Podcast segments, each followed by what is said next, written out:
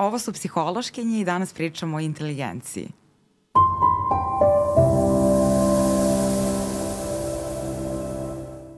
Danas je uh, sa nama u epizodi uh, moja veoma draga profesorka Zorana Jolić-Marjanović i vi se bavite zapravo jako dugo inteligencijom i posebno čini mi se emocionalnom inteligencijom i držite jedan kurs na trećoj godini psihologije koji je meni bio mnogo, mnogo drag, psihologija inteligencije, a onda i na kasnijim godinama studija, mnoge druge kurseve koji su tako tematski povezani um, sa inteligencijom, pa ste danas u svojstvu prosto stručnjakinje koja će ovde da nam objasni um, i odgovori na različita pitanja o tome šta je inteligencija i mnogo mi je drago da ste prihvatili da dođete i da pričate sa nama. Dobro i meni je drago da sam došla. Hvala vam na pozivu. Nadam se da ćemo ovde otvoriti razne interesantne teme. Da.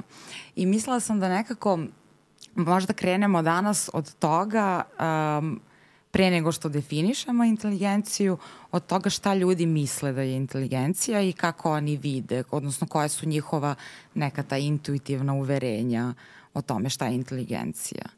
Nije, ne, ima smisla da se počne od toga zato što zapravo to šta ljudi misle da je inteligencija veoma značajno za to kako se oni ponašaju. Uh, i mogu da, da kažem i na kraju kad vam ispričam o tome šta pokazuju neki istraživački nalazi, zašto je to važno i u kojim to aspektima ponašanja ta njihova razmišljanja o inteligenciji najviše dolaze do izražaja i u kojoj meri zapravo mogu da značajno i usmere pravac mm. budućeg razvoja osobe.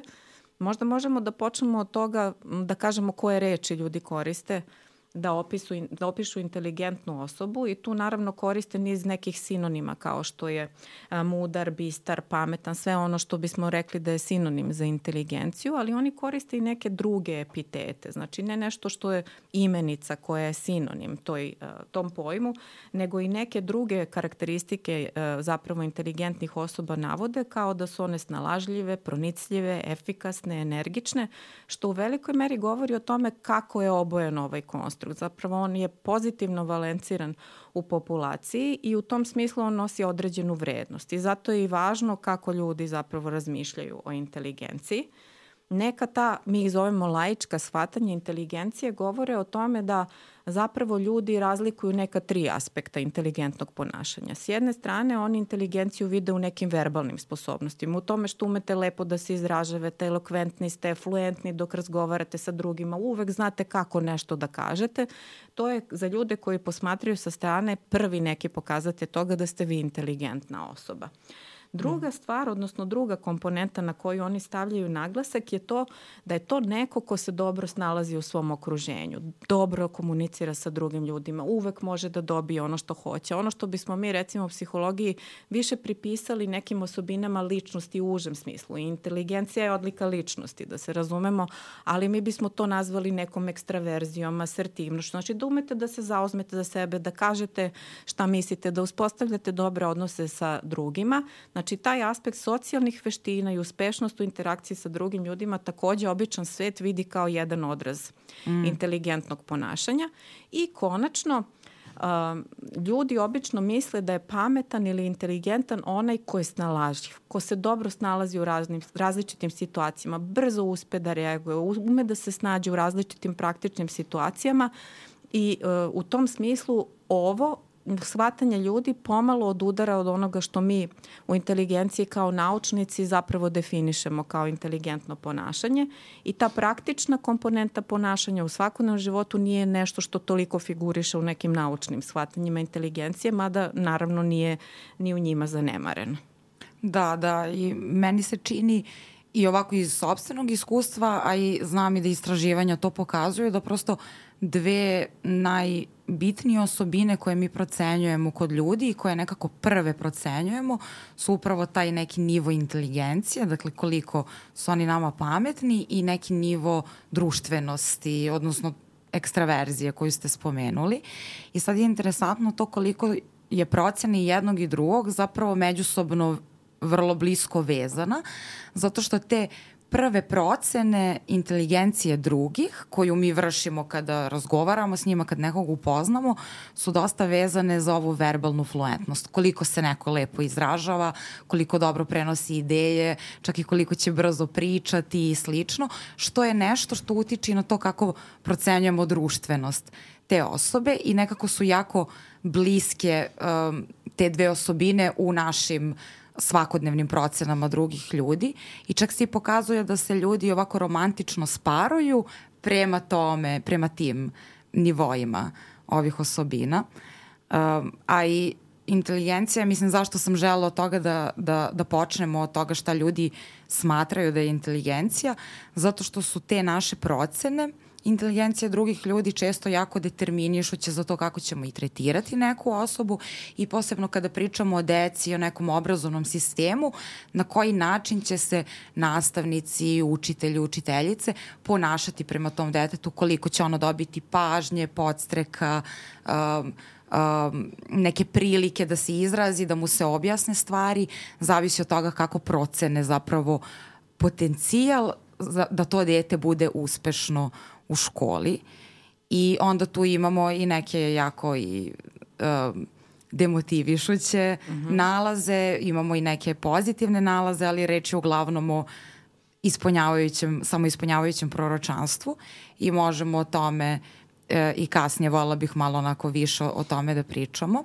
E, ali ja bih mm -hmm. da vas prekinem pre toga, zato što sad ovo što ste rekli, ova jedna pozicija je vrlo tipična za zapadnoevropsku kulturu. Znači, mm. to nije na isti način koncipirano u nekim drugim sredinama koje nama nisu toliko bliske po iskustvu, ali recimo u nekim drugim kulturama kao što su azijske kulture ili afričke kulture zapravo to šta je inteligentno nije toliko determinisano verbalnim sposobnostima, mm -hmm. nego nekim drugim aspektima funkcionisanja. Recimo, u azijskim sredinama su veoma važna poštovanja socijalnih normi i to da zapravo budete skromni, da se ne ističete i čak i kada a, ljudi govore u Aziji o tome ko je inteligentan, oni zapravo ističu neku osobu koja je povučena, gleda na sebe, vodi računa o drugima, trudi se da ne ruši harmonične odnose u društvu, poštuje autoritet i tako dalje, što je suprotno sasvim ovom zapadnjačkom nekom shvatanju inteligencije u opštoj populaciji, a u afričkim kulturama dominiraju socijalne veštine. Znači -hmm. to da ste dobar da, član kolektiva, da sve stavljate, znači ta determinanta kolektivizma, da nema individualističkih vrednosti, da ne posmatrate sebe kao jedinku, nekoga ko je drugačiji od drugih, jedan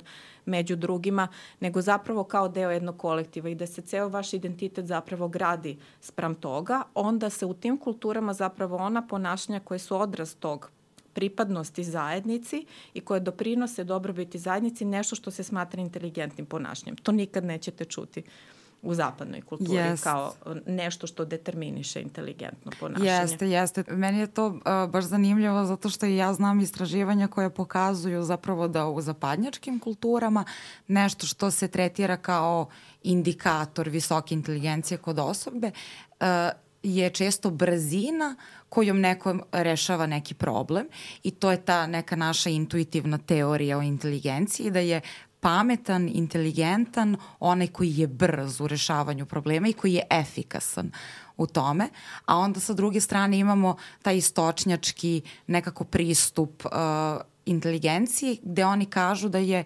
inteligentna osoba ona koja je promišljena. Dakle, ovo što ste rekli, koja je mirna, koja je nekako povučenija i tu se čak i uh, provlače pridevi poput dobra, smirena, obraća pažnju na druge ljude.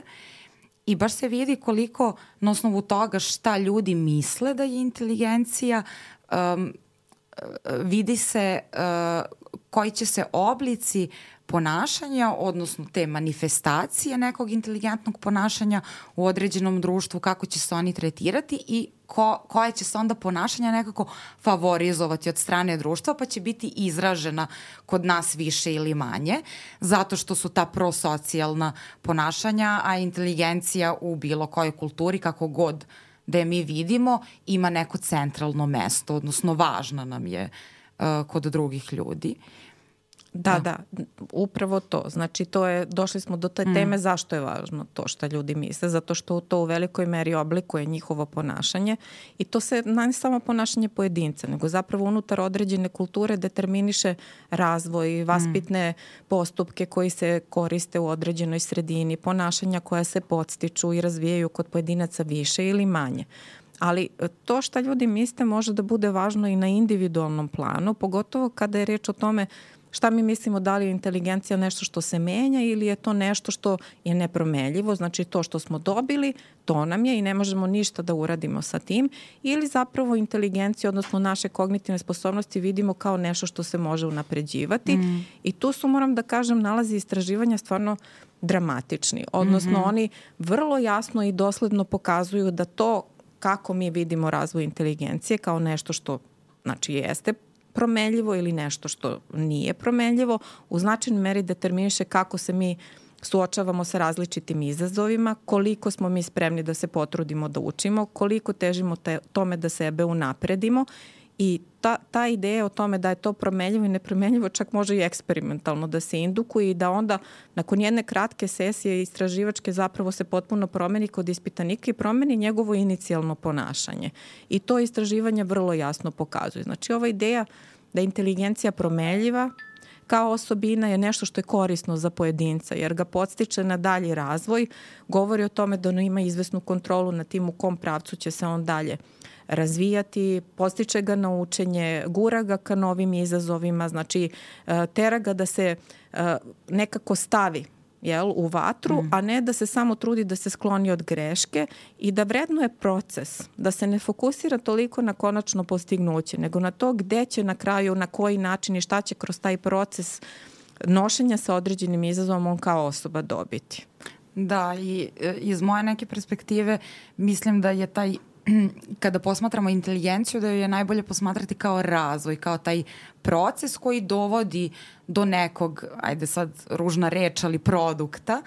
Um, I baš meni su ta ova istraživanja koje ste spomenuli koja pokazuju koliko je važno kako mi vidimo uh, inteligenciju u tom smislu da li je ona nešto urođeno i nepromenljivo ili je to nešto što se razvija i što može da se menja i što zapravo utiče od na, uh, uh, na šta utiče naše iskustvo, naše obrazovanje i učenje. Stvarno pravi dramatične razlike u tome kako ćemo posmatrati i sebe i koliko ćemo onda prilike sebi dati da nešto menjamo i baš ovo što ste spomenuli da ulazimo u nove situacije koje, bi, koje zapravo unapređuju naš razvoj, posebno naš kognitivni razvoj kada o tome pričamo.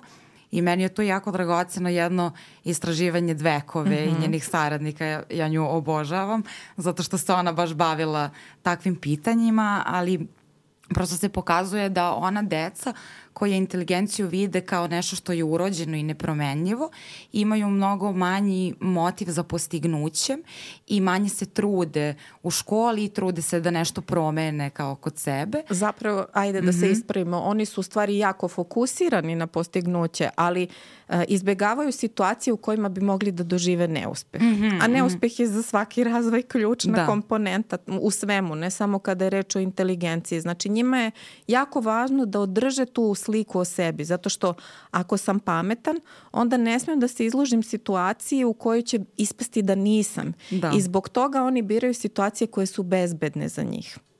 Da. I ne izlažu se novim rizicima da upravo to ne bi doživeli neuspeh, jer će time potpuno urušiti sliku koju su prethodno kreirali o sebi. Da, a ona druga deca koja posmatruju inteligenciju kao nešto što se menja i što se razvija, se zapravo mnogo više izlažu tim novim situacijama i kao ulažu se više u taj svoj obrazovni, razvojni uh, proces i čak se i pokazuje da drugačije tumače svoje uspehe i neuspehe, odnosno da neuspehe tumače kao nešto što je što se desilo zbog toga što nisu to u tom trenutku znali, nisu se dovoljno trudili i slično, a da uspehe zapravo i tumače kao nešto što su oni lično dobro uradili zato što su bili sposobni i znali su to. I to je baš onako važan aspekt uh, našeg života i našeg ponašanja, to kako vidimo uh, sebe i ka, prosto gde ćemo atribuirati uzroke mm -hmm. našeg uspeha i neuspeha i važno je u mnogim drugim aspektima uh, koji se u psihologiji izučavaju ličnosti i, i slično, uh, ali je baš centralno vezano za to kako posmatramo sobstvenu sposobnost mm -hmm. i inteligenciju. Jeste. Da. I čini mi se da ove implicitne teorije koje smo sad spomenuli, odnosno ta, ta na, naša neka uverenja o tome šta je inteligencija, ne samo da postoje kod nas uvek, dakle svih mi imamo i na neki način procenjujemo druge ljude prema tome, pa onda možemo pričamo o tim laičkim a, teorijama, ali zapravo ih imaju i istraživači koji se bave a, e, inteligencijom i to jeste jedna od čini mi se ključnih um, onako gurki u tome šta se prvo posmatralo kada smo počeli naučno da ispitujemo inteligenciju i da je formiramo kao neki psihološki naučni pojam i takođe pravi razlike u, to, u, u tome uh, kakve ćemo testove praviti i na koji način ćemo je meriti i onda može da napravi razlike u tome kako će se različite grupe uopšte ponašati na tim testovima, odnosno koliko će biti uspešne ili ne, baš zbog ovoga što smo pričali da se u različitim kulturama neka druga ponašanja uh, favorizuju i onda se izražavaju više zato što se vide kao markeri nekog poželjnog, pametnog, inteligentnog ponašanja. Dobro, da, tu da. ste u pravu. Svaka teorija inteligencije zapravo počela nekim implicitnim mm. uverenjem eksperta nekog koji se bavi inteligencijom, s tim što se naravno ta ekspertska implicitna uverenja relativno brzo pretaču upravo u da. teorije da. i postaju teorije baš zato što eksperti ta svoja uverenja na neki način podvrgavaju proveri, empirijskoj proveri, podacima i kroz prikupljanje nekih objektivnih podataka pokušavaju zapravo da provere da li je to što su bila njihova inicijalna uverenja ili pretpostavke o tome šta je inteligencija i opravdano, odnosno ima potporu u nekoj realnosti i po tome se zapravo ta ekspertska uverenja razlikuju od onoga što mm. su laička uverenja, jer laici ne proveravaju sistematski svoja da. uverenja, oni ih žive a eksperti zapravo nemaju taj luksus da žive svoje uverenja, nego moraju da vode računa da se to uobliči u neke dobro validirane podatke, proveravane i pouzdane da bi mogli ta znanja dalje da šire, prenose i da ih koriste zapravo u praksi upravo e, recimo za procenu sposobnosti. Mm. Da, i hoćemo možda da krenemo malo od toga šta su bile, šta su bile neke inicijalne psihološke teorije inteligencije i da dođemo do ovoga kako šta je neko savremeno shvatanje uh, uh, inteligencije, mm -hmm. mada ono jeste uvek kulturološki prosto obojeno. Pa jeste, da. ali postoje, kako da kažem, tu ima jedna srećna okolnost što, mm -hmm. što ljudi su isti gde, gde god na, na planeti žive, tako da i neki bazični procesi na kojima inteligencija počiva zapravo su isti kod ljudi gde god da su oni rođeni. I u tom smislu ovaj, eto, oblast psihologije inteligencije ima i neke zajedničke uh, zajedničke elemente bez obzira na različite kulture, društva i istorijske kontekste u kojima se o njoj govorilo, ali može da se kaže da jeste zapravo cela priča o inteligenciji počela od nekih implicitnih shvatanja i to dva tipa nekih implicitnih shvatanja koje su onda vrlo brzo vodila tome da se inteligencija ispituje na određeni način. Jedno od tih shvatanja jeste da zapravo uh, su naše sposobnosti urođene i da snaga naših čula i nekih fizioloških kapaciteta zapravo jeste odraz naših sposobnosti. I ta istraživanja um, inteligencije i merenje inteligencije koje su proišle i, i proizašle iz takvog stava su bila prevashodno funkci, nekako usmerena na to da mi ispitamo neke naše uh, moć naših čula, recimo mm. koliko dobro nešto opažamo ili koliko dobro diferenciramo, neke opažaje vizuelne ili auditivne. Išlo se čak i na proveru toga kakva nam je snaga ruku ili kolika je veličina naše glave. Znači neki fizički kapaciteti, sposobnost opažanja kroz različite modalitete smatralo se nečim što je dobar odraz toga koliko smo mi zapravo inteligentni. Jer naše saznanje o svetu zapravo dolazi kroz čula i mi ništa van toga ne možemo ni da znamo. To je ideja koju je prvo plasirao Gotol, Golton a, krajem 19. veka, vrlo brzo se toj ideji priključio i Katel i oni su radili takve tipove, takve tipove merenja. A s druge strane imali smo jednu grupu istraživača više na ovako na, na evropskom tlu koja je e, smatrala da zapravo mi ne možemo kroz ta istraživanja na kapaciteta naših čula da saznamo šta, ta, šta je ta jel, složena sposobnost, kakva je inteligencija, da ona ide van toga i da je to više od onoga što mi dobijamo kroz čula, nego podrazumeva izvesnu nadgradnju informacija koje e, nam dolaze iz poljašnjeg sveta. I e, to je struja čiji je, ajde da kažem, glavni predstavnik Bine, koji je jedan e, i, i zapravo i kreator prvog testa inteligencije za decu I kažem, nekako su se paralelno razvijele te dve struje, mada je ova druga ova vrlo brzo um, pobedila u psihologiji da. i danas zapravo većina istraživača u oblasti psihologije sasvim jasno može da se složi oko toga da uh, Inteligencija predstavlja jednu kognitivnu, složenu kognitivnu sposobnost, sposobnost da se uviđaju odnosi tamo gde oni nisu um, očigledno dati, da radimo različite procese uočavanja sličnosti, razlika, da uviđamo pravila. Znači jedna sposobnost abstraktnog rezonovanja. Da, da. I sad te dve e, struje koje ste spomenuli su baš onako lepa sumacija tih početnih e, ideje inteligencije i one se jesu jednim delom razvijale baš od tih implicitnih uh, teorija o tome šta je inteligencija, a drugim delom su mnogo bile ustrojene i time uh, kakve, ka, kakva su nama znanja i posebno mere, odnosno tadašnji instrumenti bili dostupni, odnosno nekim razvojem tehnologije u tom trenutku. I onda ova prva struja Goltona je zapravo dolazila, odnosno koristila je uh, one testove, one mere koji dolaze iz neke eksperimentalne psihologije koja je u tom trenutku zapravo definisala uh, psihologiju.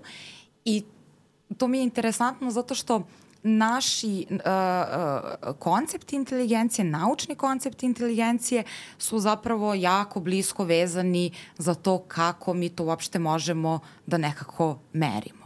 I sad mi znamo da inteligencija postoji, mislim, zato što vidimo da imamo tu neke praktične uh, efekte, odnosno efekte na naš život. Vidimo da se ljudi ponašaju drugačije, da su neki ljudi uspešniji u nekim stvarima, neki ljudi su možda uspešni u svim, a neki ljudi su manje uspešni i onda zato što vidimo te stvarne životne efekte, mi možemo da pretpostavimo da možda postoji neka sposobnost, neki skup sposobnosti koji zapravo pravi razliku uh, na tom spoljašnjem nivo, nivou, odnosno dovodi do tih različitih efekata, uspešnosti i slično.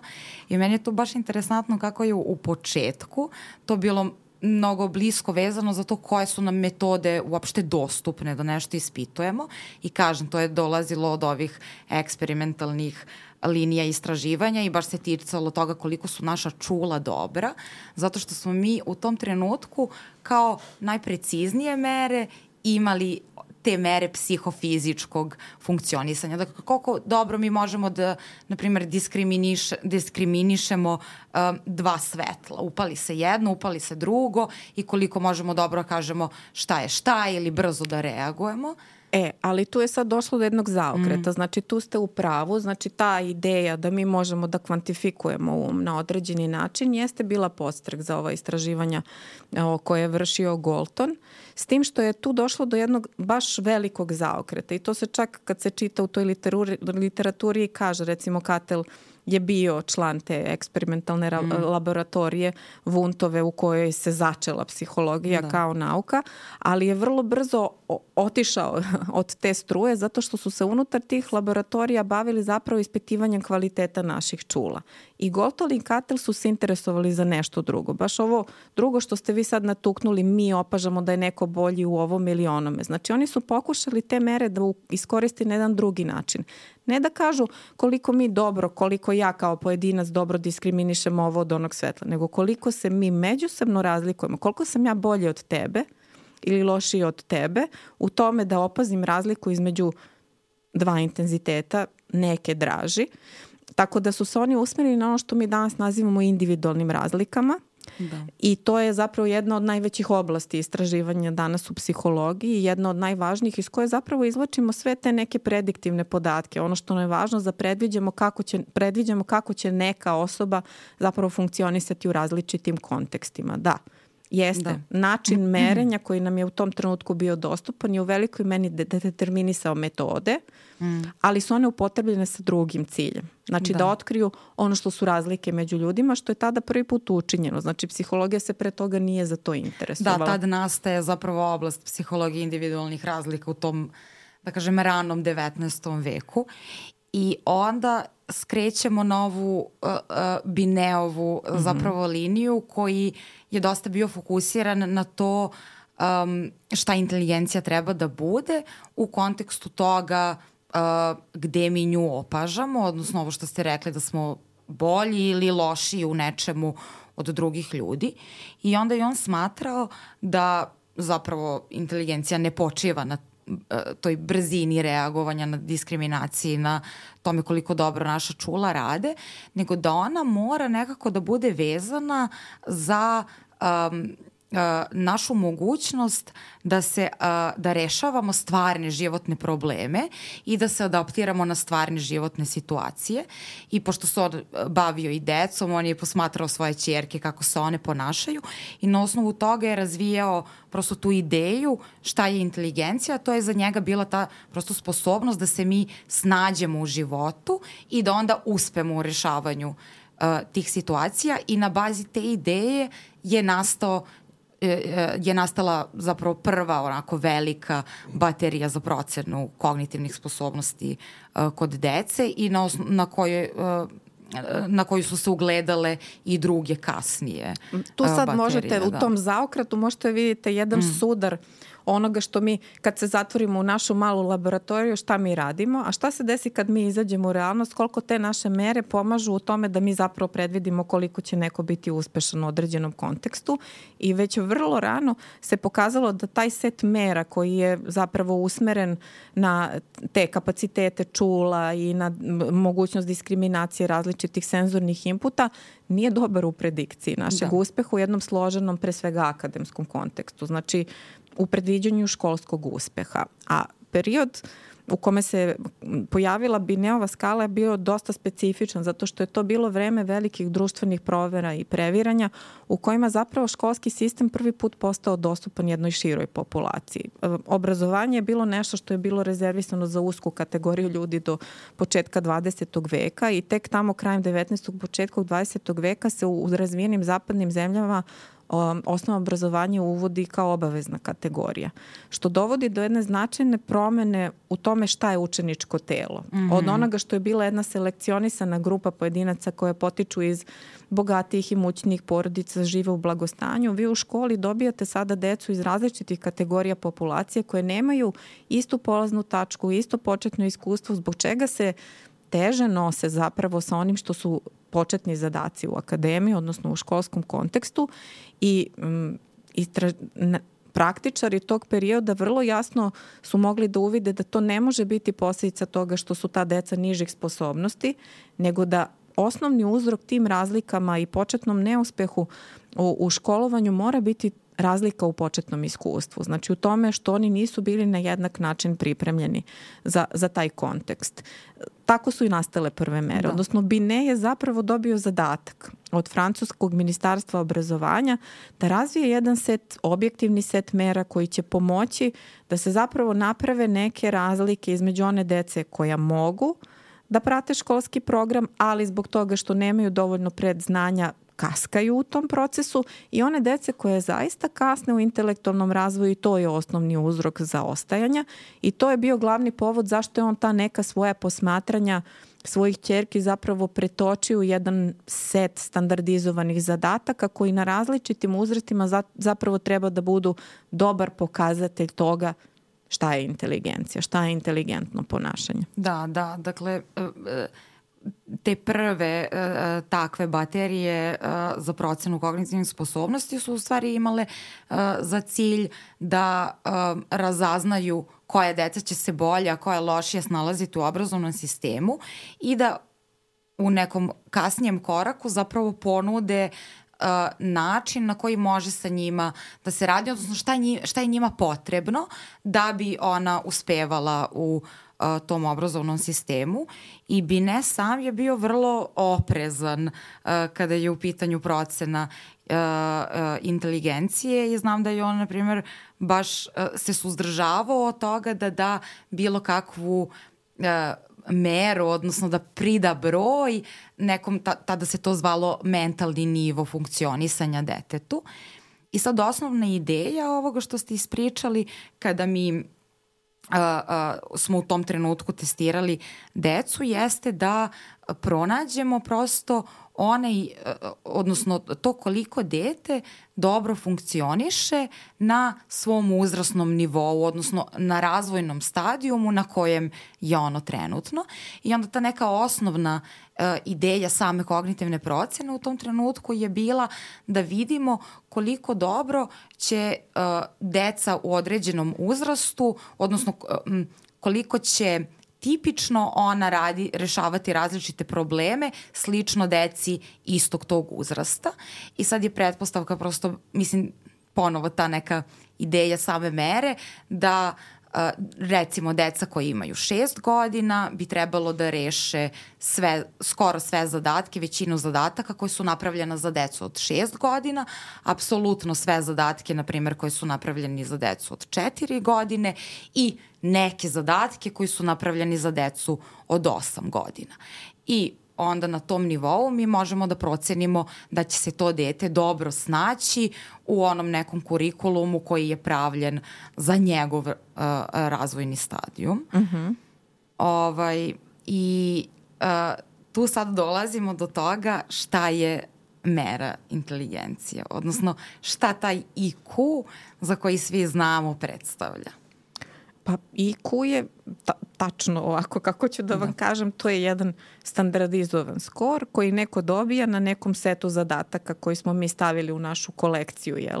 Mm -hmm. A, ko, koji zovemo test inteligencije. I ništa više od toga. Znači to da. je neko postignuće na nekom standardizovan set, standardizovanom setu zadataka Uh, on nije čak ni isti kada se uh, zadaju različiti testovi, uvek mora da se vodi račune o tome kakvi su ti zadaci koji su bili u testu, ali da, to je jedna brojka, jedan kvantitativni pokazatelj toga koliko je neko zadataka uradio na nekom testu, onda kada se uporedi sa svojom relevantnom grupom, a to su najčešće njegovi vršnjaci. Da, da, i jako je bitno za to formiranje IQ-a, jeste upravo to poređenje sa relevantnom grupom i tako ga formiramo, bilo da pričamo o deci ili o odraslim mm -hmm. ljudima. Ali jako je važno ovo što ste rekli da je to samo jedan rezultat na nekom konkretnom testu i da su on u zavisnosti od testa koji radimo može biti uh, jako drugačiji. A tu se ponovo onda vraćamo na ovu društvenu važnost koju inteligencija ima za nas. I meni se čini da to kada dobijemo neku brojku koja u vezi naš, koja pokazuje naš IQ, bilo u školskom settingu ili da smo recimo otišli u mensu da se testiramo, može mnogo da te, determiniše to kako ćemo dalje prolaziti kroz život s obzirom na to koliko veliku uh, značajnost pridajemo ovaj, uh, toj brojici. I onda bih tu volala malo da prokomentarišemo zapravo odnos prema deci koja su na ovaj ili onaj način um, odnosno postigla su dobre ili lošije rezultate u recimo testiranju inteligencije pred polazak u školu ili tokom njihovog boravka u školi, koliko to i kod nastavnika i učitelja pa i roditelja i nekako svih koji znaju tu informaciju može da utiče na tretman koje dete dobija. Pa, može da utiče ukoliko onaj koje broj sa, mislim broj se prvo nikad ni ne saopštava, e, to, to moram da kažem, ali procenu sposobnosti, odnosno inteligencije vrši psiholog i to jeste kao kažem, psihološki instrument, ne koriste drugi stručnjaci. Taj instrument ni drugi stručni saradnici u školi, to treba reći da zapravo mm. testovi inteligencije su ekskluzivno instrumenti koje koriste psiholozi i čak je i, i kažnjivo da ih zadaju uh, druge, drugi stručnjaci koji nisu prethodno prošli kroz adekvatnu obuku za zadavanje ocenjivanje da. i interpretaciju testova i ovde sad kažem ključna stvar je ovde ta interpretacija jer broj je jedno. Ono što mi kao mm. psiholozi koji se bave procenom pokušavamo da uradimo jeste da idemo dalje od broja. Odnosno da, da vidimo šta se iza tog broja krije, koji su to kognitivni procesi bili prisutni u rešavanju zadataka i da onda kapacitet našeg ispitanika procenimo u odnosu na to. Znači da analiziramo zahtev zadatke i da onda kažemo, e da, naš ispitanik je mogao da rešava ovakve ili onakve zadatke, bio je uspešan u iznalaženju rešenja za ovakav ili onakav zahtev, a ovde je dolazilo do izvesnih prepreka, nije mogao da ih prevaziđe ili je mogao uz neku intervenciju ili neki dodatak. Znači, kada se radi procena u nekom praktičnom kontekstu ne bi bilo dobro da zapravo baratamo brojkama. Ono što bismo mi kao stručnjaci morali da damo kao neki input za one koji rade sa detetom i roditeljima naravno koji imaju puno pravo da znaju kako se dete snašlo na takvom jednom testu, jeste nešto što je za njih važno u praktičnom kontekstu. Znači mm. broj za njih nije relevantan, nego ono šta oni dalje mogu da očekuju od deteta i šta mogu nadalje uh, da rade sa njim. I mislim da ako se to tako postavi, onda i ove neke predrasude koje neko može imati, e, nastavnici, učitelji, a i roditelji mogu na neki način e, da budu sprečene. Ako se kaže da, na ovom setu zadataka je to bilo ovako, ali važno je videti kako dete funkcioniše u svakodnevnom kontekstu i zapravo taj rezultat na testu iskoristiti kao priliku da se detetu pruži neka vrsta podrške koja je za njega najbolja. Eto, da. mislim da, meni je jasno to što me vi pitate na koji način zapravo to može da oboji našu sliku o drugoj osobi i važno je zapravo i zbog toga da o tome i razgovaramo, zato što mm. inteligencija je samo jedna od naših karakteristika kao ljudi, imamo i niz drugi koje boje naše svakodnevno funkcionisanje i nekad čak nije ni najvažnija za ono što mi postižemo u životu. To je ono što svakako treba reći. Ona jeste jedna komponenta, da. ali čak i ako imate dobar, ajde da kažemo tim starinskim jezikom, dobar početni potencijal u, u domenu intelektualne sposobnosti, ima toliko faktora koji mogu da dovedu do toga da vi ne ostvarite uspeh u životu. Znači ne smete samo na to da se oslanite i mislim da onima kojima saopštavate tu informaciju koji nisu stručnjaci za inteligenciju ili psihologiju, to treba jasno staviti do znanja. Da to, to je jedna komponenta, jedna odlika osobe koja sad ide u setu ili u kompletu sa nizom nekih drugih psihičkih odlika pojedinca koje sve zajedno determinišu e, njegov krajnji učinak u bilo kom domenu, pa i u školskom.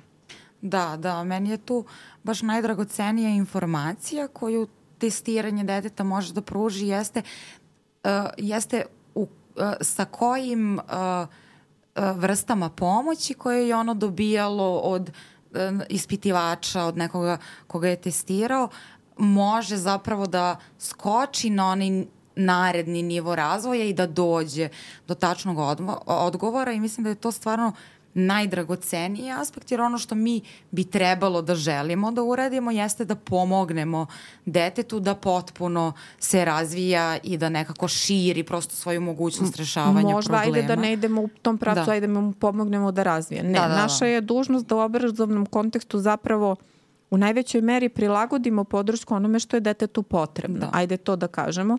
O, tako, da zapravo nekako idemo na jedan individualni pristup, da ne gledamo svu decu kao istu, jer nisu, niti su im razvojne putanje iste, niti porodična istorija, niti neke psihičke karakteristike su kod njih iste. Mi se svi međusobno veoma razlikujemo po različitim karakteristikama, a školski kontekst je ustrojen kao jedan mm -hmm. sistem koji je onako dosta krut i isti za sve. I mislim da sada najviše u ovom periodu, ovaj poslednjih deseta godina zapravo opažamo to koliko tako krut obrazovni sistem teško odgovara na potrebe učenika u školama, što naravno rezultira jednim opštim nezadovoljstvom i među učenicima, i među nastavnicima, i među roditeljima i to ne samo u našoj sredini. Jel? Znači, to je da. jedan od razloga što ono što su neke individualne razlike škola ne uvažava uh, onda da. kada je to važno za učenika. Da, da, a to i jeste bila jedna od prosto inicijalnih ideja Upravo tako. na koje potrebe i na koji način treba odgovoriti na njih i mi možemo da to vidimo na osnovu ponašanja deteta u takvoj testovnoj situaciji, odnosno šta je njemu potrebno da uh, ono reši neki problem. Čekajte mm -hmm. samo da zausne. Znači mm -hmm. nama, to je sad što se testova tiče, dosta je važno imati u vidu to da je to, to je naš instrument. Da.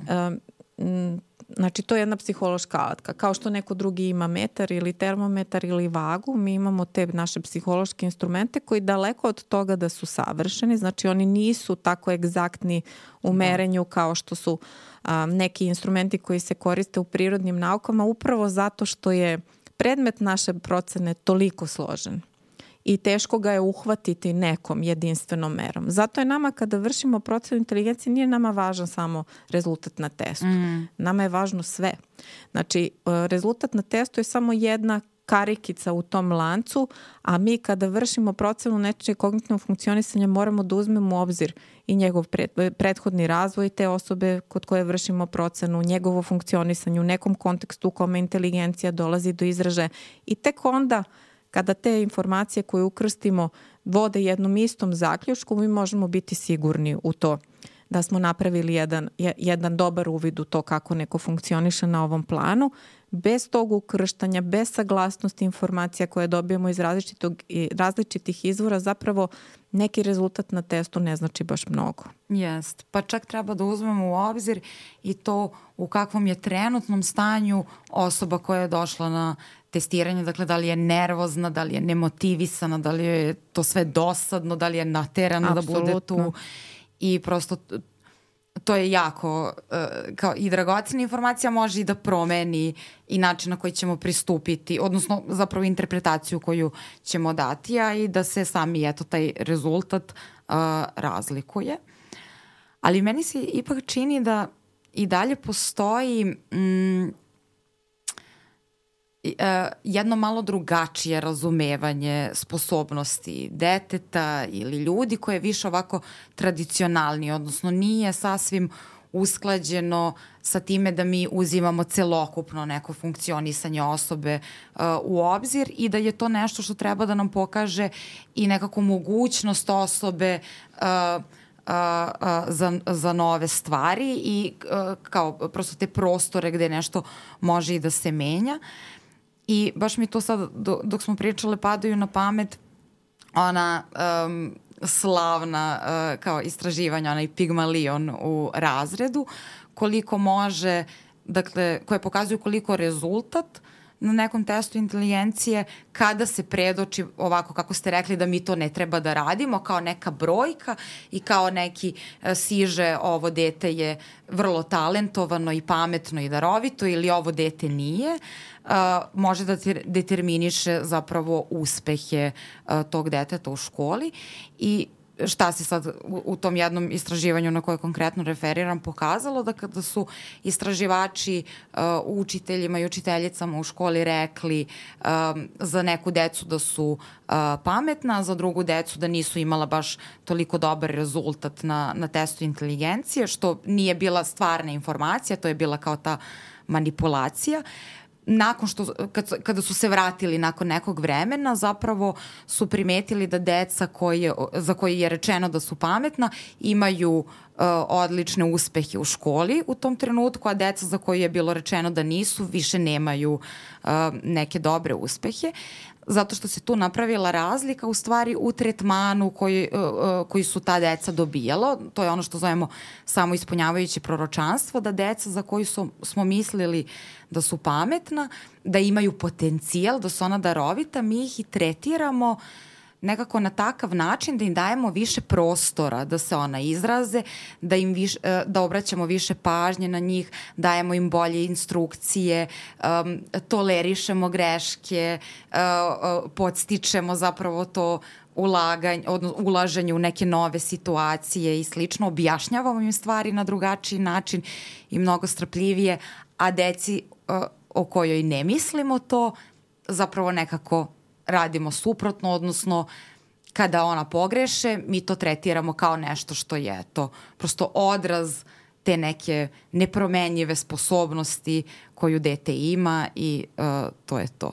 Ne znam, meni se ne, čini... Ne postavljamo zapravo da. dodatne izazove, ali za to vam uopšte nije potrebno mm. to, da, da, vam, da nekom nastavniku ili učitelju neko kaže kakva inteligencija da. deteta u učionici. Oni već sami kad god su u interakciji sa decom kreiraju neka svoja viđenja ili slike pojedinačnih učenika i to opažate u školi kao različit tretman dece. Redko ko pa ja sad tu ne, neću da, kako kažem, to nije pitanje osobe, to je prirodna ljudska mm. jel, prirodna ljudska sklonost da zapravo u odnosu na to što vidite modelujete i svoje ponašanje prema osobi, tako da su ta istraživanja uh, ovaj, koje pokazuju Pigmalionov efekat zapravo nekako samo produžetak onoga što mi opažamo mm. i vi kada ste u direktnoj interakciji sa bilo kim, ne u učionici, u zavisnosti od toga kako vi tu osobu ponašate i vi prilagođavate svoje ponašanje i sa, od nekoga očekujete jedno, od drugoga očekujete drugo, kad radite neku stvar više idete ka jednoj osobi, kad radite drugu stvar upravo zbog toga što tu osobu opažate na određeni mm -hmm. način i što da. ona projektuje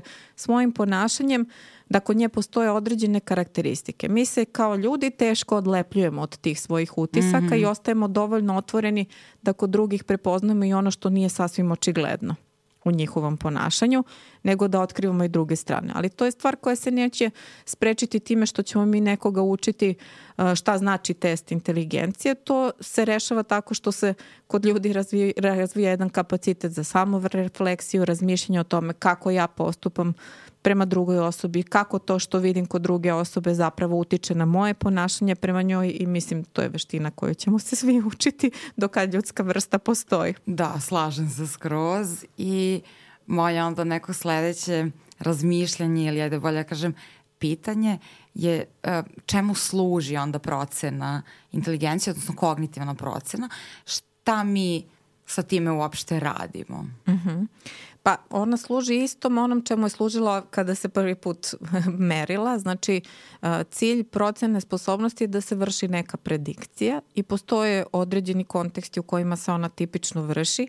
Jedan od njih je naravno školski kontekst u okviru koga zapravo pre početka školovanja svako dete u proces, kroz proces upisa u školu zapravo prolazi kroz jednu standardnu procenu uh, intelektualnih kapaciteta koja u tom trenutku služi tome da zapravo da onima koji će u buduće raditi sa detetom neku prvu sliku o tome gde je dete sada u ovom času, u tom kognitivnom smislu, za koje zadatke će biti spremno, da li dolazi sa adekvatnim predznanjem, uh, u školu i šta će biti potrebno da se to eventualno kompenzuje ako za tim postoji potreba. Ta procena, pošto se ona vrši ovaj, proleće pre nego što dete zapravo krene u školu, služi i tome da se daju neke instrukcije roditeljima vezano za to kako da pripreme dete što bolje mm -hmm. za polazak u školu, da bi taj proces adaptacije koji je već sam po sebi izazovan jer dete ulazi u jedan drugačiji svet u odnosu na koji, u kome, u odnosu na onaj u kome je do tog trenutka bilo, uh, jedan vrlo strukturisan kontekst kako zapravo da dete pripreme za tu situaciju.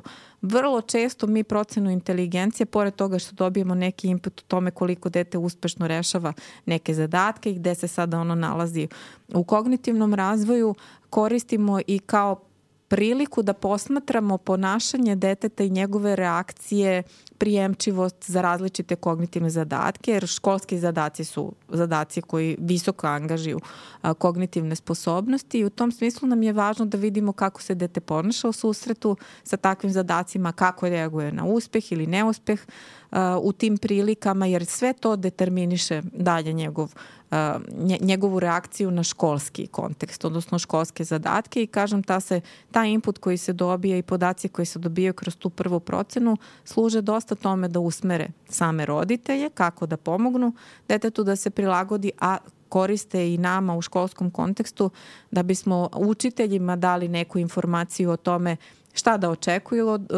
u radu sa detetom, kako da se najbolje pripreme, kako da najbolje odgovore na njegove zahteve da imaju neku sliku o tome kakva im generacija dolazi. Znači učiteljima je dosta važna ta informacija jer pre toga ne poznaju ni decu ni roditelje i to procena psihološka je neki prvi podatak mm. koji imaju o svom budućem odeljenju. Da. Ovaj, uh, to je jedan važan kontekst i inače je procena sposobnosti od samih početaka usko vezana za obrazovni kontekst. U tom kontekstu se ona vrši takođe onda kada hoćemo da vidimo zapravo da li možda neke poteškoće u učenju jesu posljedica toga što dete kognitivno ne može da savlada neke zahteve ili su posredi neki drugi faktori. I, I zapravo nam onda procena sposobnosti služi tome da eliminišemo inteligenciju kao faktor koji učestvuje mm -hmm. u mhm. neuspehu i vrlo često ona i ne, ne učestvuje. Ima dosta primjera uh, u praksi školskoj u kome zapravo deca vrlo inteligentna postižu relativno niske rezultate ili zapravo ne dobacuju tamo gde bismo očekivali u odnosu na, na njihove e, kapacitete, nekad čak i veoma visoke, pa onda imamo i tu kategoriju jel, darovitih podbacivača koje mm -hmm. svaki nastavnik može da prepozna u svojoj učionici gde vidite da je dete pametno, ono što bismo mi rekli, jer inteligentno može, brzo kapira, razume, a zapravo u školi postiže vrlo malo zato što mu nedostaju neki drugi uh, a, ajde da kažem, drugi kapaciteti koji bi mu omogućili ili je kontekst takav da nije dovoljno podržavajući da. a, za, za tog učenika.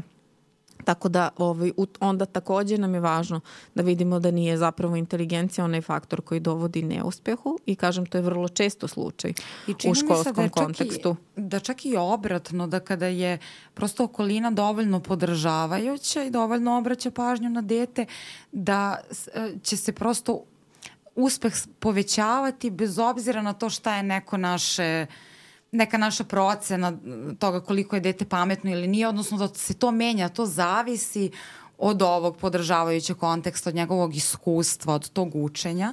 Barem je to neki moj baš Pri čemu jak treba stav. sasvim jasno reći da.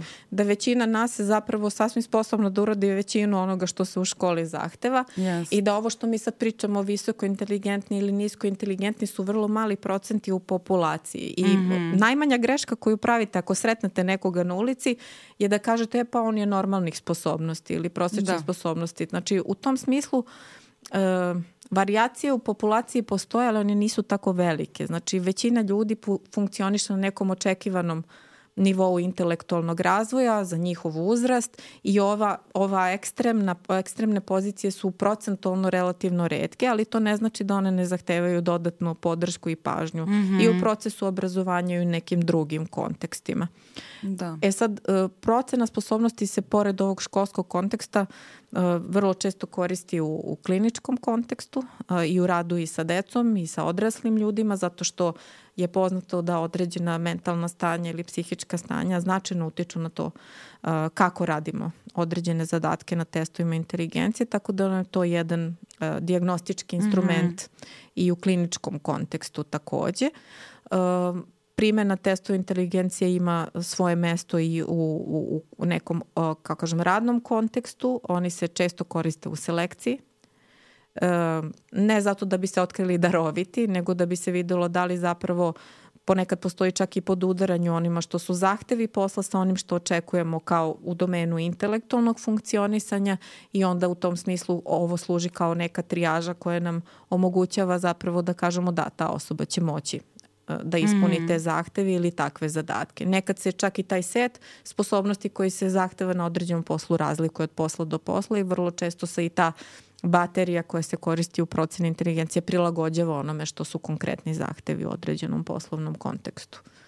Da, da. Uh, mislim, baš je često testiranje inteligencija za uh, posao i tu su, čini mi se, nekako i najčešće testiranja za na primjer, vojsku, policiju, za vatrogasne, e, te neke pomagačke vanredne službe. I ja iskreno nisam sigurna šta, ovako kao intimno šta mislim o tome, odnosno ne znam baš koliko mi to ima smisla. To i jeste s jedne strane, pored ovog obrazovnog cilja koji smo imali još kad su počeli da se razvijaju ti testovi inteligencije, to je bio drugi push za razvoj uh, testova inteligencije jeste potreba za, uh, uh, za vojsku, odnosno to prosto procena toga koliko će neko biti uspešan u obavljanju različitih pozicija, odnosno poslova u vojsci i onda u zavisnosti od toga nekako selektujemo jedan deo populacije i preporučujemo na kojim mestama, mestima će oni biti i to su onda oni alfa i beta prvi, uh, prve baterije. Uh, ali ja ne znam, mm, nisam sigurna uopšte koliko mi to ima smisla. Dakle, jeste pokazano da nekako mm, to može da predvidi, na primjer, koliko će neko biti dobar pilot. To su ona ranije istraživanja.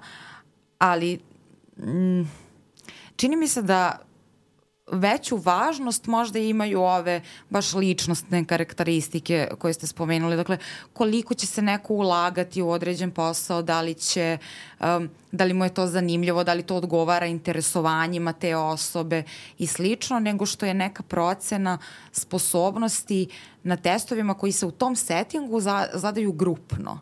Dakle, to nisu ona sad individualna testiranja koje mi vršimo kada su u pitanju deca i, i e, se, radi se testiranje pred polazak u školu, nego su uglavnom grupni testovi i to je onda set od uh, nekih da kažem, specifičnih testova, uglavnom budu ravenove matrice, to su oni testovi koje smo svi videli, uh, gde treba da se dopuni zapravo figura u setu nekih figura. Um, dakle, zadaju se takvi uh, testovi i onda nisam sigurna koliko je ta procena stvarno relevantna za, za selekciju u radu. Koliko mi to ima smisla? Pa evo, to što ste sad pominjali da se radi u, u vojsci, u policiji, tako da to su tradicionalne mm. primene, znači upravo zbog toga što jedno veliko polje primene i razvoja testova inteligencije bilo vezano za regrutaciju. Mm to periodu Prvog svetskog rata recimo, kada je bilo važno da se na neki način odredi koji mislim treba zamisliti i taj period u kome zapravo u Americi se vrši regrutacija za učesnike Prvog svetskog rata, veliki broj imigranata u tom trenutku u zemlju, veliki broj onih koji ne govore. Uh, engleski jezik i onda gomila psihologa koji sa svojim testovima vrši neku trijažu onih koji će preuzimati u tom haotičnom prostoru neke rukovodeće pozicije. Inteligencija im je tu bila važna a, komponenta, ali treba imati u vidu da u tom periodu se mnogo više verovalo u moć testova inteligencije mm, nego što da. mi danas u psihologiji njima pridemo značaj. Oni su jedan od naših najvažnijih instrumenta, ali oni su samo instrument. Procenu vršimo mi kao pojedinci, znači mi kao stručnjaci za procenu određenih kapaciteta, a ovo je jednostavno naša alatka, ali u tom periodu uh, psihologija inače ima kao nauka um, tu tendenciju da, da se zaleće, mm -hmm. jel? Da kada dobije u ruke nek, neku alatku, neki konstrukt, neki pojam, zapravo sa puno entuzijazma se ulaže u to i, i zapravo se to posmata kao neko moćno sredstvo koje posle nekog vremena upotrebe, refleksije, razmišljanja o tome čemu to služi, šta mi sa tim možemo, počinjemo da sagledavamo iz jedne objektivnije pozicije u kojoj smo mi na svu sreću kada je reč o proceni inteligencije danas. Mi, su, mi smo sada u jednoj dosta relaksiranoj, objektivnoj slici o tome šta mi testovima postižemo da. i čemu oni mogu da služe, ali u tom periodu kada su se oni vrlo intenzivno razvijali, oni su zapravo zaista bili opaženi kao najma, najmoćnije psihološko mm. sredstvo. Čak i taj period, mislim sada ga mi zovemo kao pokret testiranja, zato što su se psiholozi, to ste baš lepo rekli, tako zaleteli.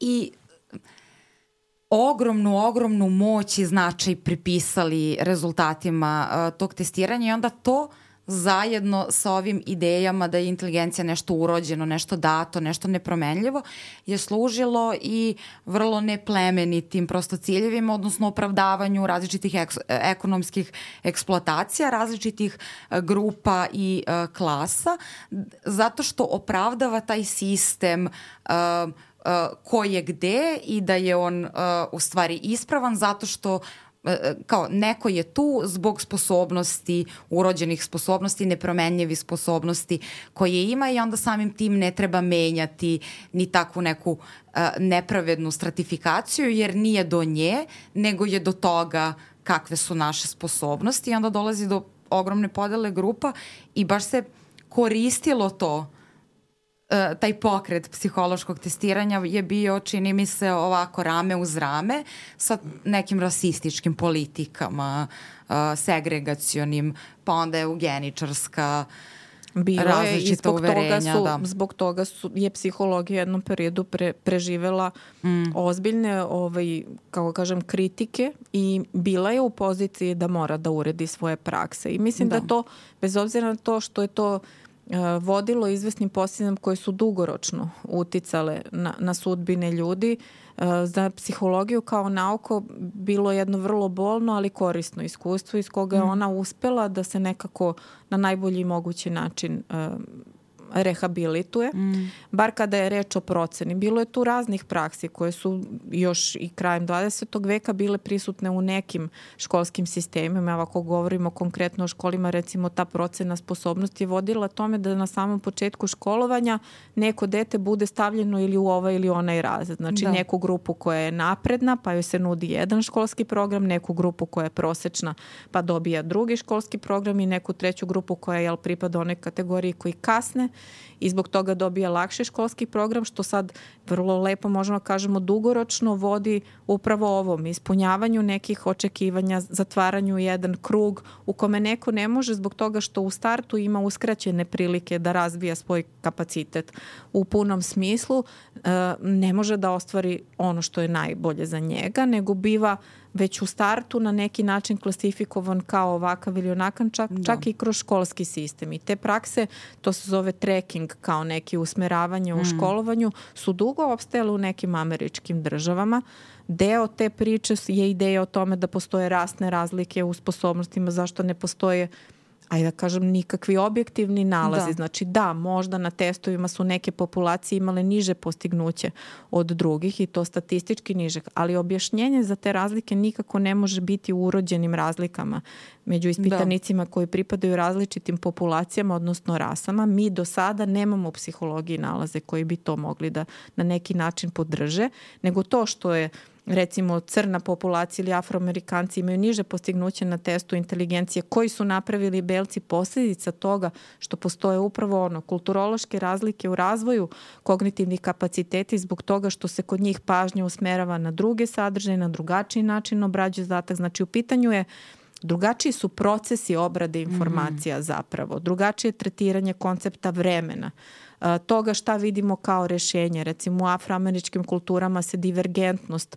podstiče od ranog uzrasta kao važna komponenta razvoja sposobnosti, dok u zapadnjačkoj konvergentno, znači ono što se mhm. ide ka jednom tačnom rešenju, nešto što se vrednuje od malih nogu kod dece i zapravo uh, ispitanici iz te populacije ne opažaju stimulus na isti način. I to se da. još jasnije vidi kada se ispituju standardnim testovima koje su pravljeni u zapadnoj kulturi ispitanici iz afričkih populacija ili recimo nekih afričkih plemena gde imamo vrlo zanimljive i nalaze iz antropa, a i ne samo to, nego nalaze iz antropoloških mm. istraživanja u kojima zapravo ono što mi mislimo iz naše niše, jel, ove, u kojoj kulturne niše u kojoj mi odrastamo i kreiramo svoje testove, što mi vidimo kao inteligentno ponašanje se u nekoj populaciji koja je, ide iz druge niše zapravo opaža kao glupo. Da, da, da. I to je ono što je vrlo zanimljivo i o čemu mi danas kao istraživači u oblasti inteligencije oni koji se bavim procesom imamo vrlo jasnu svest.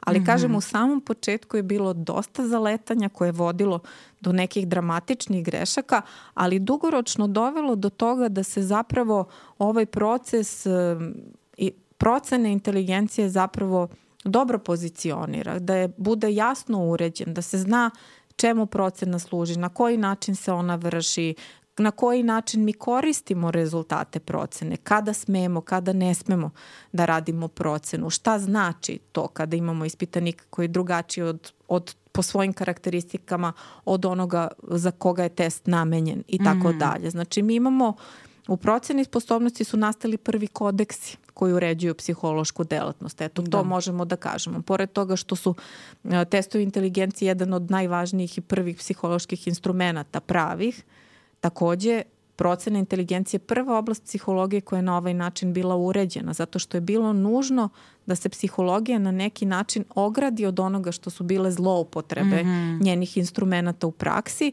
i usmeri nadalje način na koji ćemo mi naša psihološka znanja koristiti za dobrobit ljudi, a ne da im na neki način naškodimo. Tako da ovo je danas čini mi se sama procena izgleda isto kao što je radio Bine, Znači mm -hmm. potpuno isto, sednu ispitanik i ispitivač, rade zajednički na nekom... bio kralj. rade zajednički na nekom tako. setu zadataka, ali to, um, znači ona izgleda isto, ako biste vi gledali s polja, ali filozofija koja mhm. stoji mm iza toga je bitno drugačija. Da, I to je, ba, baš ste lepo sve ovo sad ispričali kad bih mogla ja to tako uh, da kažem, ali to sam žela da istaknem baš uh, ovaj moment toga koliko su uh, testovi koje mi pravimo uh, baš zavisni od različite kulture koja ih pravi i uh, onda ona ponašanja koje uopšte testiramo kao pametna, kao inteligentna, zavisi od, od ponašanja koja se u toj kulturi vide kao pametna i kao inteligentna i koja su potrebna da se imaju. I uh, u skladu sa time, odnosno onda kada je to neusklađeno, ka, a, ako testiramo a, neke grupe ljudi koje dolaze iz različite kulture, testom koji dolazi iz neke druge i koji favorizuje, ovo ste lepo spomenuli, ta konvergentna a, ponašanja, odnosno pronalaženje jednog ispravnog odgovora koji je zapravo uobličen u one procese i odgovara onom tipu odgovora koji se um, favorizuju u školskom sistemu, te kulture da ispitanici koji dolaze sa nekog drugog mesta prosto će podbaciti zato što oni opažaju zadatak na sasvim drugačiji način, vide druge elemente zadatka i pronalaze odgovor koji rešava probleme sobstvene kulture, ali nije usklađen sa tim standardnim, recimo, skorovanjem ovih testova Evo, koji su možemo da damo vrlo da. jedan očigledan Znala, primer vam... ovaj očigledan primer iz naše sredine da. ovaj, u kom mi koristimo recimo baš tu Bine Simonovo skalu i ja to svaki put u svakoj generaciji studenta ponavljam mm -hmm. da bi mhm. zapravo osvestila to da to što mi očekujemo, taj jedan tačan odgovor, mi ćemo najčešće taj odgovor i dobiti u našoj populaciji, ali ne treba da se iznenadimo ako dobijemo inteligentan odgovor koji zapravo ne odgovara onome što smo mi očekivali. I mi smo u jednom, u jednom prilici zadavali jednom romskom dečaku taj Bine Simonov test i tu ima neki zadatak analogije suprotnosti u kome vi započnete rečenicu i dete treba da je dovrši. Mm -hmm. I mhm. sad kaže zadatak, uh, uši u, u, u pacova su, ne, uči u zeca su duge, a u pacova su i ono što bismo mi očekivali kao odgovor jeste da bude da su kratke, jel? Mm -hmm. da su uši u pacova kratke jer je to uh, suprotan pojam od duge, a taj dečak nam je rekao kao odgovor, znači na to uši u zeca su duge, u pacova se on je rekao pune tugi.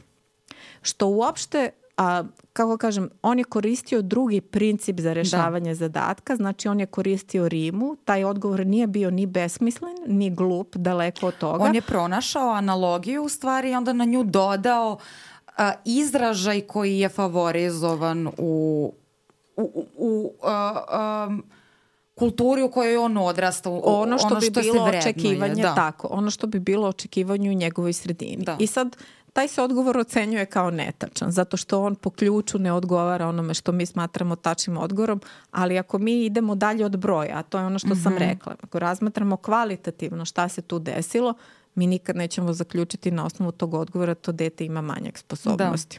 Da, da baš to. I takvih primjera u, u psihološkim nekim tekstovima ima puno u kojima zapravo stimulus tumačen kao potpuno nešto drugačije, zahtem viđen kao drugačije, ima jedno to čuveno istraživanje ovaj, u kome su u jednom afričkom plemenu uh, članovima plemena dali uh, tanjire, viljuške, noževe i rekli im da sortiraju. Mm -hmm. I sad, da su to dali vama, vi biste tanjire stavili na jednu gomilu, viljuške biste stavili na drugu, noževe na treću, kašike na četvrtu. Oni to nisu uradili. Oni su sistematski kategorisali tako što su pravili komplete onoga što vam je potrebno mm -hmm. da mhm. obavite. Znači tanjir uz jednu viljušku, kašiku i nož i tako niz setova. Znači potpuno jedan vrlo logičan princip koji dolazi iz jedne drugačije perspektive, ali ne glup. Da, e, e imamo iste istraživanja koje su starijeg datuma, ali to je Lurija radio um, i zapravo na e, tadašnjim kao sovjetskim uh, seljacima kada su oni uopšte uh, formirali uh, teoriju razvoja pojmova i uh, kako onda se prave različite kategorije pojmova, odnosno na koji način mi uopšte abstrahujemo i dolazimo sad do nekih viših uh, pojmova koje mi sad možemo da zovemo, na primjer, i naučni pojmovi naspram tih spontanih i onda sad je bila reč zapravo o tim procesima kategorizacije i oni su to ispitali, ispitivali na, na populaciji koja je kao građanska, odnosno ljudima koji žive u gradu i na populaciji ljudi koji žive u selu. I sad povučeni u stvari onime što uh, učimo i što se što je uh, dominantno očekivanje i potreba zapravo određene sredine, mi uh, mi ćemo vršiti različitu uh, kategorizaciju. Izgledat će kao da uh, je razvoj naših pojmova na različitom nivou, a to uopšte nije tako. I sad šta bi radili, na primjer, ljudi iz grada? Oni su njima zadali um, ove uh, uh, različite alatke i zadali su različite materijale. I sad lupim, ono, uh, čekić, šraf, drvo i svašta nešto. Dakle, različite neke alatke, različiti materijali. I sad ljudi iz gradova bi to kategorizovali prema uh, tipu objekta, da tako kažemo. Materijali idu na jednu stranu, alatke idu na drugu. Ljudi iz sela su to kategorizovali prema funkciji koja se vrši uh, uh, tim objektima i uh, onda u tom smislu pro, pronalazili srodnost. Na primer, uh, šraf ide sa drvetom, ide sa čekićem. Analogija ovome Baš što to. smo malo pre da. ispričali kao primer. I sad, ako mi zanemarujemo stalno potrebe sredine koja zapravo ustrojava naš kognitivni sistem i to kako ćemo čak vršiti klasifikaciju pojmova, uh, mi ćemo doći do zaključka da je neka grupa razvijenija, odnosno na tom stupnju, razvijenijem stupnju uh, ne, uh, ko kognicije od druge grupe, a zapravo mi tu imamo jedan ogroman uticaj, odnosno oblikovanje sredine i kulture prema tome šta je potreba određene sredine. E, ja ću da. sad da se nadovežem mm -hmm. na ovo što ste rekli i da zapravo otvorim jed, još jednu temu, mm -hmm. na mhm. koji način zapravo uh, a, mi kroz testove inteligencije možemo da favorizujemo samo određenu kategoriju ispitanika. Naime, većina standardnih testova inteligencije, ako su oni danas mnogo bolji nego što su bili mm. ranije, je dosta bila usmerena na one sposobnosti iz, iz domena kognitivnog koje su važne za školovanje. Jer je škola bila, kako kažem, prvo mesto gde je bila potrebna njihova primena, pa smo tu tražili i neke prve indikatore inteligentnog ponašanja, tako da su naši testovi bili dosta uski po opsegu sposobnosti mm. koje hvatamo i mi to zovemo, to su kao testovi akademske inteligencije. Zapravo zato što one hvataju one aspekte inteligentnog ponašanja koji su važni za školski kontekst a ima toliko drugih koje do, viš, do više izra, do izražaja dolaze u nekim drugim kontekstima i oni su kroz standardne mere zapravo bili dosta zanemareni i tek, eh, ajde da kažem, od 2000. godine na ovamo se više vodi računa o tome da i u testovima budu reprezentovane različite sposobnosti domene intelektualnog funkcionisanja i to nas vodi priči o tome da li je inteligencija jedna ili ih ima da. više, koju možda interesantno da, interesantna tema koju treba da otvorimo, zato što i kroz razmišljanje o toj temi zapravo možemo da vidimo koliko raznovrsna ispoljavanja, odnosno manifestacije može da ima inteligencija u svakodnevnom životu i da u tom smislu pravi, opažamo razlike među ljudima.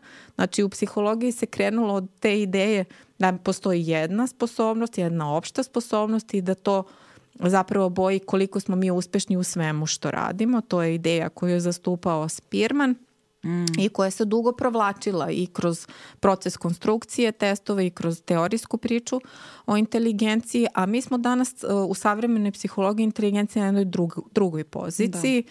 i mi zapravo danas smatramo i svi istraživački podaci to sugerišu da inteligencija u stvari je više vrsna. Da. I da se ona ispoljeva na različite načine, kroz različite domene, kroz različite simbole, ajde da kažem i da svaka, da kognitivni aparat zapravo time što operiše na različitim informacijama u stvari kreira različite sposobnosti ili mogućnosti da se a, a, a, obrađuju informacije koje imamo u okruženju i m, važan važne dve struje u istraživanju inteligencije koje su doprinele tome da mi danas budemo na toj poziciji su jedna koju mi nazivamo takozvanom psihometrijskom koji je bio cilj da opiše našu inteligenciju. Da kaže kakve sve to inteligencije mi imamo, od čega se to inteligencija sve sastoji i imali smo još jednu drugu važnu struju, a to je ta kontekstualno sistemska struja koja je rekla dobro, dobro, ne može inteligencija biti samo to što mi ispitujemo testovima. Nama je vrlo važno da vidimo na koji način se naše sposobnosti ispoljavaju u kontekstu određenom kontekstu. U kojoj mere su one zavisne u kontekstu, a to je ovo mm -hmm. o čemu mhm. smo mi do sada pričale.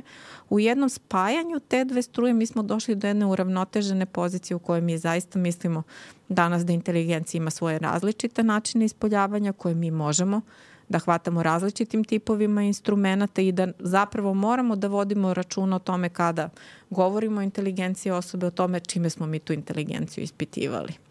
Da, i meni se i baš čini da savremeni uh, pristupi uh, inteligenciji u stvari konvergiraju ka toj ideji da mi imamo više inteligencije, odnosno možemo to da zovemo inteligencijama, možemo to da zovemo različitim tipovima kognitivnih sposobnosti, nekako terminologija može da se razlikuje, ali tu imamo zapravo, govorimo o više sposobnosti koje su u različitim kontekstima više ili manje važne i koje će se čak kod iste osobe u većoj ili manjoj meri ispoljiti.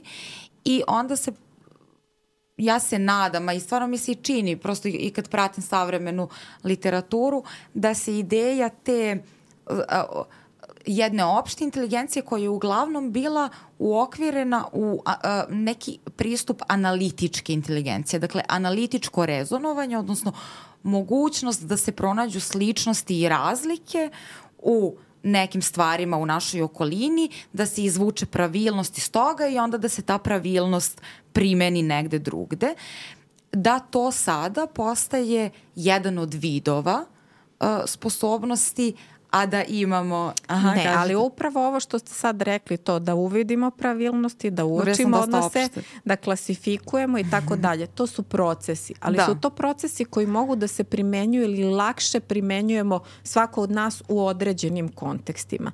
Neko to bolje radi sa brojevima, neko to bolje radi sa rečima, da, da, da. neko to može kroz pokret neko kroz neke informacije koje su emocionalno obojene. Znači, poenta je u tome da zapravo ti isti procesi, znači nisu te inteligencije mm. različite toliko po procesima koji su uključeni, jer to ih čini inteligencijom. Inače bi to bili neki drugi ljudski kapaciteti. Da. Ali to što ih čini sposobnostima jeste to što tu postoji jedan set procesa koji se sad primenjuje samo u različitim kontekstima, na različitim tipovima informacijama i onda smo nekad bolji u tome da ta, te procese, te pravilnosti, te odnose, uzročno-posledični sled i tako dalje opažamo u jednom setu informacija, a manje smo uspešni u nekim drugim. Treba imati u vidu da su te inteligencije, iako postoje različiti načini ispoljavanja inteligentnog ponašanja, međusobno povezani. Mi dobijemo korelacije mm -hmm. i to značajne korelacije među različitim inteligencijama.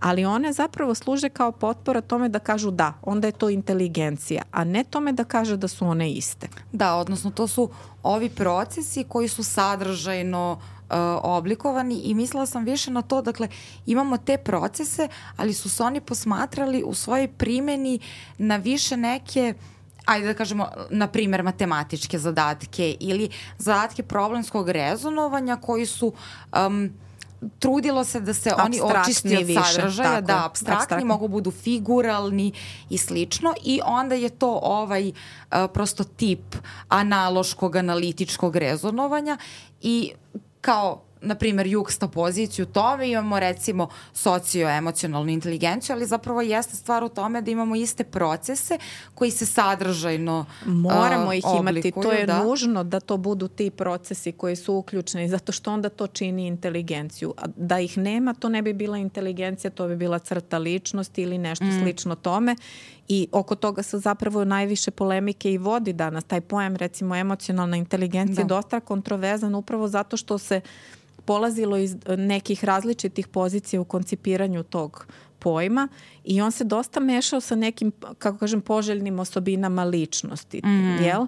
I, i, I zato je bilo pitanje da li je to stvarno inteligencija ili nije i to je taj konstrukt je prošao kroz jednu ozbiljnu trijažu baš u oblasti psihologije i inteligencije da bismo danas bili opet na jednoj poziciji u kojoj da, on verovatno jeste ta um, umešnost u interpersonalnim odnosima, u opažanju sobstvenih tuđih osjećanja, regulisano osjećanja, razumevanje uzročno-posledičnih procesa u um, mm -hmm. emocionalnom reagovanju, baš kada ga posmatrate kao neku sposobnost, mogućnost da operišete svojim kognitivnim aparatom nad tim sadržajima, jeste nešto što ulazi u krug da. uh, intelektualnih sposobnosti danas po nekim najnovijim shvatanjima i ima puno drugih takvih jel, novih inteligencija, inteligencija parenja, pa kulturna inteligencija, pa mm. ovo to je bilo vrlo popularno u jednom trenutku da se produkuju različite vrste inteligencije da bi se pokazalo koliko smo mi kao ljudi zapravo u tom smislu raznovrsni i široki, ali nisu one sve kao naučni pojmovi mogle da opstanu. Znači ovaj da. uslov je morao biti zadovoljan da to zaista predstavlja neku vrstu obrade informacija na specifičnom sadržaju po kome mi možemo da utvrdimo razlike među ljudima. Da, i meni se jako sviđa što iako su ti nešto ranije, dakle evo pre 2000 tih godina ranije uh, dominantne perspektive um, koje su za sebe smatrale da su očišćene od kulture, to je ova uh, ideja zapravo da možemo bilo koga iz bilo koje kulture da testiramo, na primjer, Ravenovi matricama, jer su one figuralne, dakle imamo, imamo samo neke objekte koji kao nisu zasićeni sadržajem, ovde nema ničeg što je kulturološkog. Uh, to je u stvari bila perspektiva koja je bila jako usmerena na sadržaj, ali na jedan sadržaj. I meni se jako dopada što smo se mi umesto da pričamo kako su testovi uh, očišćeni od kulture ili uh, slobodni od kulture, u stvari proširili domen sadržaja na koje sve može, uh, na, na koje može da se odnose naši procesi koji se smatraju procesima inteligencije, odnosno tim kognitivnim uh, inteligentnim procesima. Da, da, da. To mi znači baš... mi, to je, to, je, to je jedan pravac, a mm. drugi pravac je taj u kome smo mi priznali mm -hmm. da ne mhm. postoje kulturno ekvivalentni da. testovi. Odnosno, mi smo priznali uh, u proceni inteligencije efekte kulture i m, dosta smo oprezni sada u tom smislu. Mi možemo, testovi se naravno prenose iz jedne sredine u drugu, nastaju u jednom kontekstu pa se prebacuju u drugi, ali uslov za njihovu primjenu je da se pokaže da su oni zapravo kulturno ekvivalentni. Da u toj Eto. sredini, da mere isti konstrukt kome su inicijalno bili namenjeni, da inteligentno ponašanje koje ti testovi hvataju se smatra inteligentnim ponašanjem u toj kulturi, da način na koji se vrši procena jeste nešto što je prihvatljivo u toj nekoj... Znači, e, vodi se računa o kulturnoj ekvivalentnosti testova da. i danas smo sasvim svesni da nešto što je a ja kažem kulturno univerzalni ili od kulture oslobođen test inteligencije nemoguće ne napraviti. Da, da. Da, to se i meni uh, jako sviđa, prosto taj uh, odmak od toga da je inteligencija neka jedna i nekako specifično oblikovano u okviru jedne zapadnjačke e, perspektive. I sad to nas sve navodi na ona različita istraživanja koje imamo uh, uh, lošijeg uh, kvaliteta je zapravo nešto što je mnogo dominantnije, čini mi se u medijskom sadržaju ili u tom nekom popularnom uh, viđenju uh, inteligencije koje ne uzima u obzir ni kulturu, ni specifične uh, uh, izražaje uh, u određenim društvima, jeste podela recimo naroda prema nekom IQ grupe uh, i koliko to uopšte ima smisla da radimo? Pa nema uopšte da. smisla, odnosno to predstavlja jedan, ajde da kažem, očigledan primer zloupotrebe da. testova za promovisanje određenih ideja i može da bude samo pokazatelj toga koliko neko ne zna ili zapravo namerno želi da plasira određenu informaciju. Jer uslov da bi se test koristio u određenoj sredini jeste da bude standardizovan za tu sredinu. Odnosno, nijedan test ne može samo da se uzme u ruke, da se prevede. Sad ja odem u Ameriku, mm. kupim najnoviju verziju Wexlerove skale, prevedem je i lepo je primenim na srpskoj deci i sad isti taj rezultat koji dobijam upoređujem sa nekim podacima ili normama koje su dobijene u američkoj populaciji. Preduslov, etički preduslov za primenu određenog testa u nekoj populaciji jeste da se test normira, odnosno proveri u populaciju u kojoj će se dalje primenjivati i to podrazumeva jedan relativno jednostavan statistički proces u kome vi um, test taj zadate jednoj popula jednom uzorku ispitanika mm -hmm. koji u, po svojim karakteristikama treba da dobro odražava karakteristike populacije u kojoj će se taj test zadavati. Recimo ako smo namenili test za procenu sposobnosti kod školske dece, mi ćemo napraviti jedan uzorak u kome će biti hiljadu školske dece koje su različitog uzrasta iz različitih sredina. Znači pokušat ćemo svu raznovrsnost populacije da spakujemo u taj jedan uzorak. Zadaćemo test Na osnovu tog zadavanja mi ćemo proceniti težinu svakog pojedinačnog zadatka, znači koliko je uspešno on rešavan u, toj, u tom uzorku i videti koji, koji je skor koji naši ispitanici postižu. Onaj skor koji je prosek, mi ćemo reći taj prosečan skor u ovoj populaciji je IQ 100. Mm -hmm. IQ 100, da. to pretpostavljam da je dosta poznata informacija i u široj populaciji je znak prosečnih sposobnosti. Da. Znači mi test za svaku populaciju normiramo i onda je sasvim neobično da ako ste te normirali test u jednoj populaciji dobijate da je prosek bitno različit od 100. To znači da ili test nije normiran u toj populaciji ili se tendenciozno ili namerno išlo na to da zapravo se ove razlike identifikuju da. među populacijama. Da, zapravo je taj um, prosek, prosečni uh, IQ skor jedna arbitrarna uh, brojka koju smo odabrali zato što je samo lakše operisati sa njom, ali ovo je dobro što ste, uh, baš ste do, lepo objasnili da dakle, kada mi u različitim populacijama normiramo uh, neki test, mi za određeni uspeh, prosečan uspeh ljudi na tom testu stavljamo skor 100 uh, i ako bismo koristili zapravo testove koji jesu ispravno standardizovani za različite populacije i onda želimo da prikažemo prosek, na primjer, različitih nacija, različitih grupa, svi bi trebalo da imamo prosek 100. Upravo tako. I kada se desi E, zapravo da se prenosi to da neka grupa ima prosek 80, a ova ima prosek 130, to je jedna ogromna u stvari zloupotreba i taj test nije upotrebljen onako kako treba. Ili je odraz da, da. kažem, ajde možda da bude odraz, ajde možda je korišćen neki standardizovan instrument mm. i u mm. toj populaciji, ali može biti da on nije standardizovan u poslednjih desetak godina, da su norme zastarele, da se populacija bitno po svojoj strukturi promenila pa da onda taj test više nije najpogodniji. Znači i to može da se dešava jer i tu postoje određeni standardi oko toga kako se vrši normiranje instrumenta. Drugim rečima, svi smo, svi smo sto. Ovaj, a htela sam Aha, kažite. Nešto. Ništa ne, trebalo bi, da. kad se sve uradi kako treba, ne bi trebalo da utvrđujemo znači, ovakve bitne razlike da. u prosečnom postignuću ispitanika iz različitih zemalja. Da, da, apsolutno. I mislim da je još jedna stvar koja čini mi se da, da, da um, ume dosta da se protegne uh, uh, kroz medije jeste uošte pitanje promene inteligencije. I onda sam ja viđala tako stalno po internetu ono kao testirati svoj IQ i vidite da li možete da ga promenite. I sad zaista jeste zato što uh, inteligencija u svakom društvu zauzima centralno mesto, već smo rekli da to jesu ponašanja koja se opažaju uh, bitnima. Um, ovaj, I nama je onda jako bitno koliko mi možemo uh, da znanje o tome da li možemo i koliko možemo da utičemo na promenu naših sposobnosti, odnosno mislim da to češće ide u smeru koliko možemo zapravo da ih unapredimo.